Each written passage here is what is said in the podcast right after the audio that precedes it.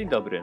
Witam serdecznie wszystkich słuchaczy w podcaście europejskim redakcji Euractiv Polska. Nazywam się Jakub Krystek i mam zaszczyt gościć Daniela Frida, byłego ambasadora Stanów Zjednoczonych w Polsce. Dziękuję za przyjęcie naszego zaproszenia i witam pana. Witam, dziękuję za rozmowę. Wydarzenia w Afganistanie w ostatnich miesiącach zatrzęsły światem zachodnim. Po trwającej niemalże 20 lat interwencji wojska NATO wycofały się z kraju, umożliwiając talibom błyskawiczne zajęcie kraju. Siła i pozycja USA, ale także całego Sojuszu Północnoatlantyckiego stanęła pod znakiem zapytania. Oprócz fali migracji z Afganistanu, wyjście z konfliktu zaogniło spór między obozami demokratów i republikan w Stanach, a w Europie wywołało debatę o utworzeniu autonomicznych, wspólnotowych sił szybkiej reakcji. A więc, czy wycofanie się USA z Afganistanu jest znakiem osłabienia się ich pozycji jako światowego mocarstwa, czy jest to zaledwie zmiana kursu w ich dotychczasowej polityce zagranicznej? Niestety Pana pytanie to słuszne pytanie. Jest w Ameryce teraz ostra debata dotycząca Afganistanu, co się stało, jakie, jakie błędy popełniliśmy w ciągu ostatnich 20 lat i co dalej. Moja krótka odpowiedź na słuszne pytanie to następnie. To klęska w Afganistanie i dla Afgańczyków, ale niekoniecznie dla całego Zachodu i dla całego światu krajów demokratycznych. Klęska w Afganistanie przypomina podobne klęski Stanów Zjednoczonych podczas zimnej wojny w Wietnamie, w Iranie, w innych krajach. Popełniliśmy w ciągu zimnej wojny mnóstwo błędów i mieliśmy nasze klęski, ale wygraliśmy nareszcie. W 1989 roku, w 1991 roku, dzięki Polakom i innym. Nasze wartości były lepiej, były skuteczniejsze. Musimy rozmyśleć poważnie lekcje Afganistanu, ale nie możemy wyrzucić nasze wartości. To nie jest klęska dla Ameryki jako mocarstwo, to przypomina podobne klęski w krajach azjatyckich, Wietnam, Afrykę, Ameryki Południowej, ale w gruncie rzeczy podczas zimnej wojny najważniejszy teren to była Europa. Polska to był punkt zerowego dla wybuchu zimnej wojny w 1945 roku. I to Polska to było miejsce, gdzie nareszcie demokracja pokonała komunizm. I też w Azji Północnej Wschodniej Ameryka była udana. Sojusz z Japonią, z Koreą Południową, z Tajwanem. Nie ma strategii, która jest o 100% i nie ma wykonania danej strategii bez błędów. Nie w życiu.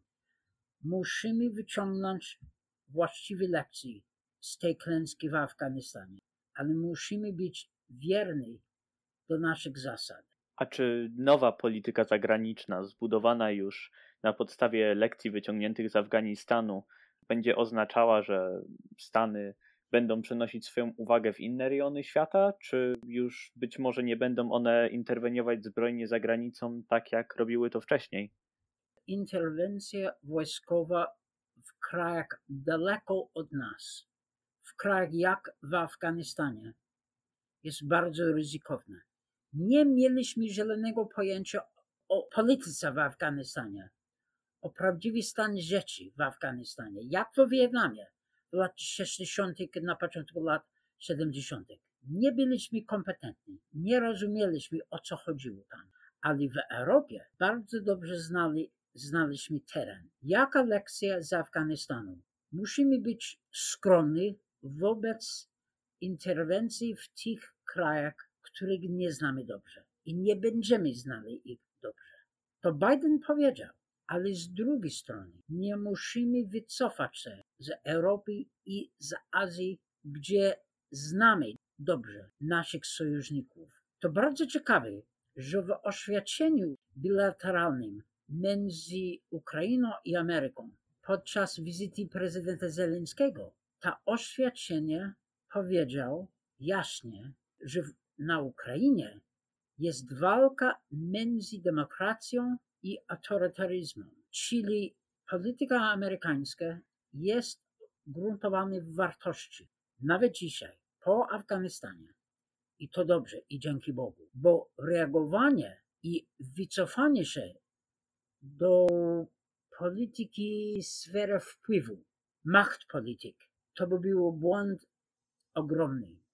Jak w Jalcie. Musimy być konsekwentni i musimy być realistyczni wobec problemów, ale nie kosztem naszych pierwszych wartości. Jeszcze wracając do tematu obecności wojsk amerykańskich u sojuszników USA, czy to w Europie, czy Azji Wschodniej, czy liczba żołnierzy stacjonujących w tych bazach zwiększyła się, czy zmniejszyła w ostatnich latach i czy możemy się spodziewać jakichś zmian? To bardzo ciekawe. Po upadku Związku Radzieckiego Ameryka wycofała się większość naszych sił zbrojnych z terytorium Europy. Wycofaliśmy się, ale po 14 roku zwróciliśmy siły zbrojne do Europy i do Polski między innymi. Brygada pancerna amerykańska jest teraz stacjonowana na terytorium Polski. w sposób rotacyjny, ale wszystko jedno. Jest brygada pancerna amerykańska na terytorium Rzeczpospolitej. Administracja Trumpa kontynuowała i Biden też. Nie będzie wycofania się tych wojsk amerykańskich z terytorium Polski z Europy. Nie widzę tego. Jest debata i będzie debata w Ameryce i są głosy, którzy mówią, że Ameryka musi wrócić do kraju, że, że, że nie warto obraniać Europy, że musimy być skromniejsi. Jest stara debata w Ameryce, ale Biden jest w obozie obrony wolnego świata.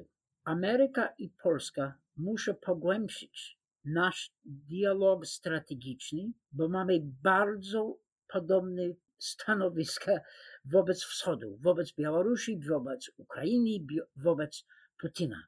Bez względu na Nord Stream 2. Mamy podobne ocenowanie zagrożenia od Putina i musimy razem starać się o dialog między nami i na skalę całej Europy, żeby po Afganistanie Putin zdaje sobie sprawę, że nie będzie żadnego wycofania się i nie będzie żadnego osłabienia sojuszu między Europą i Ameryką. I dzięki Bogu wizyta Zelenskiego miała miejsce. Timing tej wizyty po klęsce w Afganistanie dał nam, Amerykanom, szansę pokazać Putinowi, że nie ma, nie ma i nie będzie ogólnego wycofania się z Europy. Ale pana pytanie to słuszne, bo jest obawa, jest, o, jestem przekonany, że, że będzie dobry, dobry wynik, a nie będzie nowa fala izolacjonizmu amerykańskiego. W międzyczasie Chiny umacniają za to swoją pozycję na arenie międzynarodowej. Czy Zachód, jako blok krajów z USA na czele, traci swoją dominującą pozycję na świecie, a sytuacja w Afganistanie może być tego przesłanką? Ja pamiętam dobrze, że po Wietnamie Moskwa był przekonany, że wygrywa i wygra zimną wojnę. Okazało się inaczej. Teraz Beijing może myśleć w sposób podobny, że przyszłość należy do tyranii, do nich, do krajów autorytarnych. Musimy być skromni wobec naszych błędów, ale musimy być wierni wobec naszych zasad. Czyli demokracja nadal działa i razem Europa, Ameryka, Japonia, India, jeśli razem będziemy współpracowali na rzecz wzmacniania systemu reguł, system wartości, system handlu, możemy radzić sobie dobrze z Chińczykami. To nie jest, nie chodzi o nowe zimne wojny z Chińczykami. Chodzi o wzmacnianie systemu reguł, żeby oni uczestniczyli w świecie według naszych zasad, a nie my według ich zasad. Ja sądzę, że mamy pewne zalety, jeśli nie wpadniemy w panikę po Afganistanie. Jeszcze przechodząc z tematu całego świata i Stanów Zjednoczonych do Europy, jak może wyglądać Europa po odejściu Angeli Merkel? Jaka będzie pozycja Europy w NATO i na arenie światowej po zmianie niemieckiego kanclerza? Ach, wiele zależy od wyników niemieckich wyborów. Jeszcze nie wiadomo. Teraz wygląda na to, że będzie jakieś czerwony-zielony koalicja. Może być. Nie wiem. Dobrze by było, gdyby Niemcy zdali sobie sprawę, że oni też są odpowiedzialni nie tylko dla handlu, ale dla bezpieczeństwa ogólnego w Europie. A nie kosztem innych krajów, ale w ramach Zjednoczonej Europy. Wracając do sedna sprawy. Nord Stream 2 to błąd. Błąd niemieckiej polityki. Oni nie zdali sobie sprawy albo byli obojętni wobec tego, że Putin stara się wywierać wpływ, ale nacisk przez Nord Stream 2. Jest po prostu fakt. Niemcy muszą traktować Nord Stream 2 jak potencjalnego zagrożenia dla Europy. I w konsekwencji z tą koncepcją muszą więcej robić, aby łagodzić te złe skutki. Jest możliwe, jest możliwe. Amos Hochstein, specjalny wysłanek do spraw energetyki, był kilka dni temu w Warszawie. Oj, to bardzo mądry człowiek. On zna Nord Stream 2, on zna Polskę i Ukrainę i on zna politykę niemiecką. Niemcy muszą z nami, z Amerykanami i z Polakami współpracować, aby łagodzić skutki tego błędu. Jest możliwe. Więcej powiedziałbym, że Niemcy muszą być gotowi. Następny rząd niemiecki musi traktować bezpieczeństwo europejskie poważnie. Dobrze by było, gdyby dialog polsko-niemiecki, niemiecki, amerykański byli w stanie zastolerować wspólnej polityki wobec Putina bez złudzeń. Zobaczymy, co będzie. Jest debata w Niemczech o stosunkach z Kremlem, z Rosją. I mam nadzieję, że następny rząd niemiecki będzie traktował problem agresji putinowskiej poważnie, bo Polacy mają rację wobec presji z Moskwy. My Amerykanie też jesteśmy świadomi z tego, że to problem. I wobec Chińczyków mam nadzieję, że Niemcy będą traktowali Chiny nie tak partner, tylko jak partner handlowy, ale jak konkurencja i problem dla bezpieczeństwa azjatyckiego. Niemcy mają możliwości i więc oni mają odpowiedzialność podobną do ich możliwości. Mimo to, że Polska zgadza się ze Stanami Zjednoczonymi w kwestii np. Nord Stream 2, ostatnio między krajami wystąpiły zgrzyty. Jak na relacje polsko-amerykańskie wpłynęło tak zwane Lex TVN i inne często antydemokratyczne i antypluralistyczne posunięcia polskiego rządu? Czy współpraca między krajami w obecnym wymiarze jest w jakiś sposób zagrożona przez tego typu posunięcia? Ja sądzę, że Ameryka nie zakonsultowała się z Polakami dość. Za słabo i za późno. To nasz błąd. Nasz błąd amerykański. Lepiej by, był, by było, gdyby nasza konsultacja z Polską dotycząca Nord Stream 2 miała miejsce wcześniej i głębszej. Po prostu. Fakt faktem jest, że poglądy polskie i amerykańskie są bardzo podobne wobec najważniejszych pytań. Rosja, Ukraina, Białoruś, NATO, bezpieczeństwa, Zachód jako podstaw bezpieczeństwa naszego wspólnego.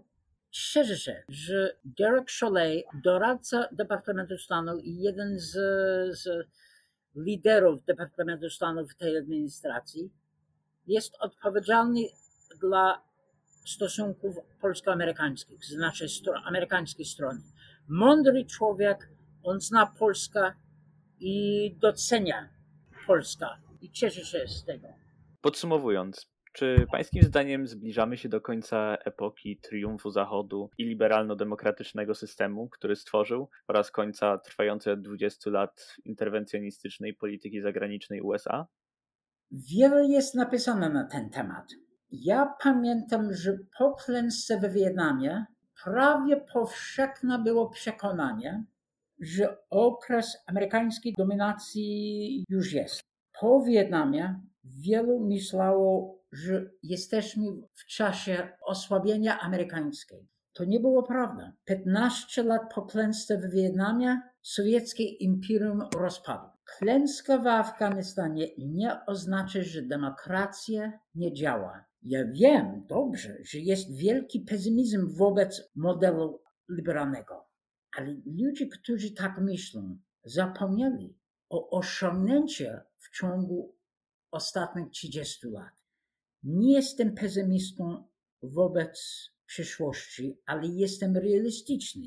Wygraliśmy zimną wojnę, ale podczas zimnej wojny sami? O, każdy drugi rok to był no, kolejny problem. Ale teraz możemy patrzeć wstecz, zdając sobie sprawę, że nie było ta, aż tak źle.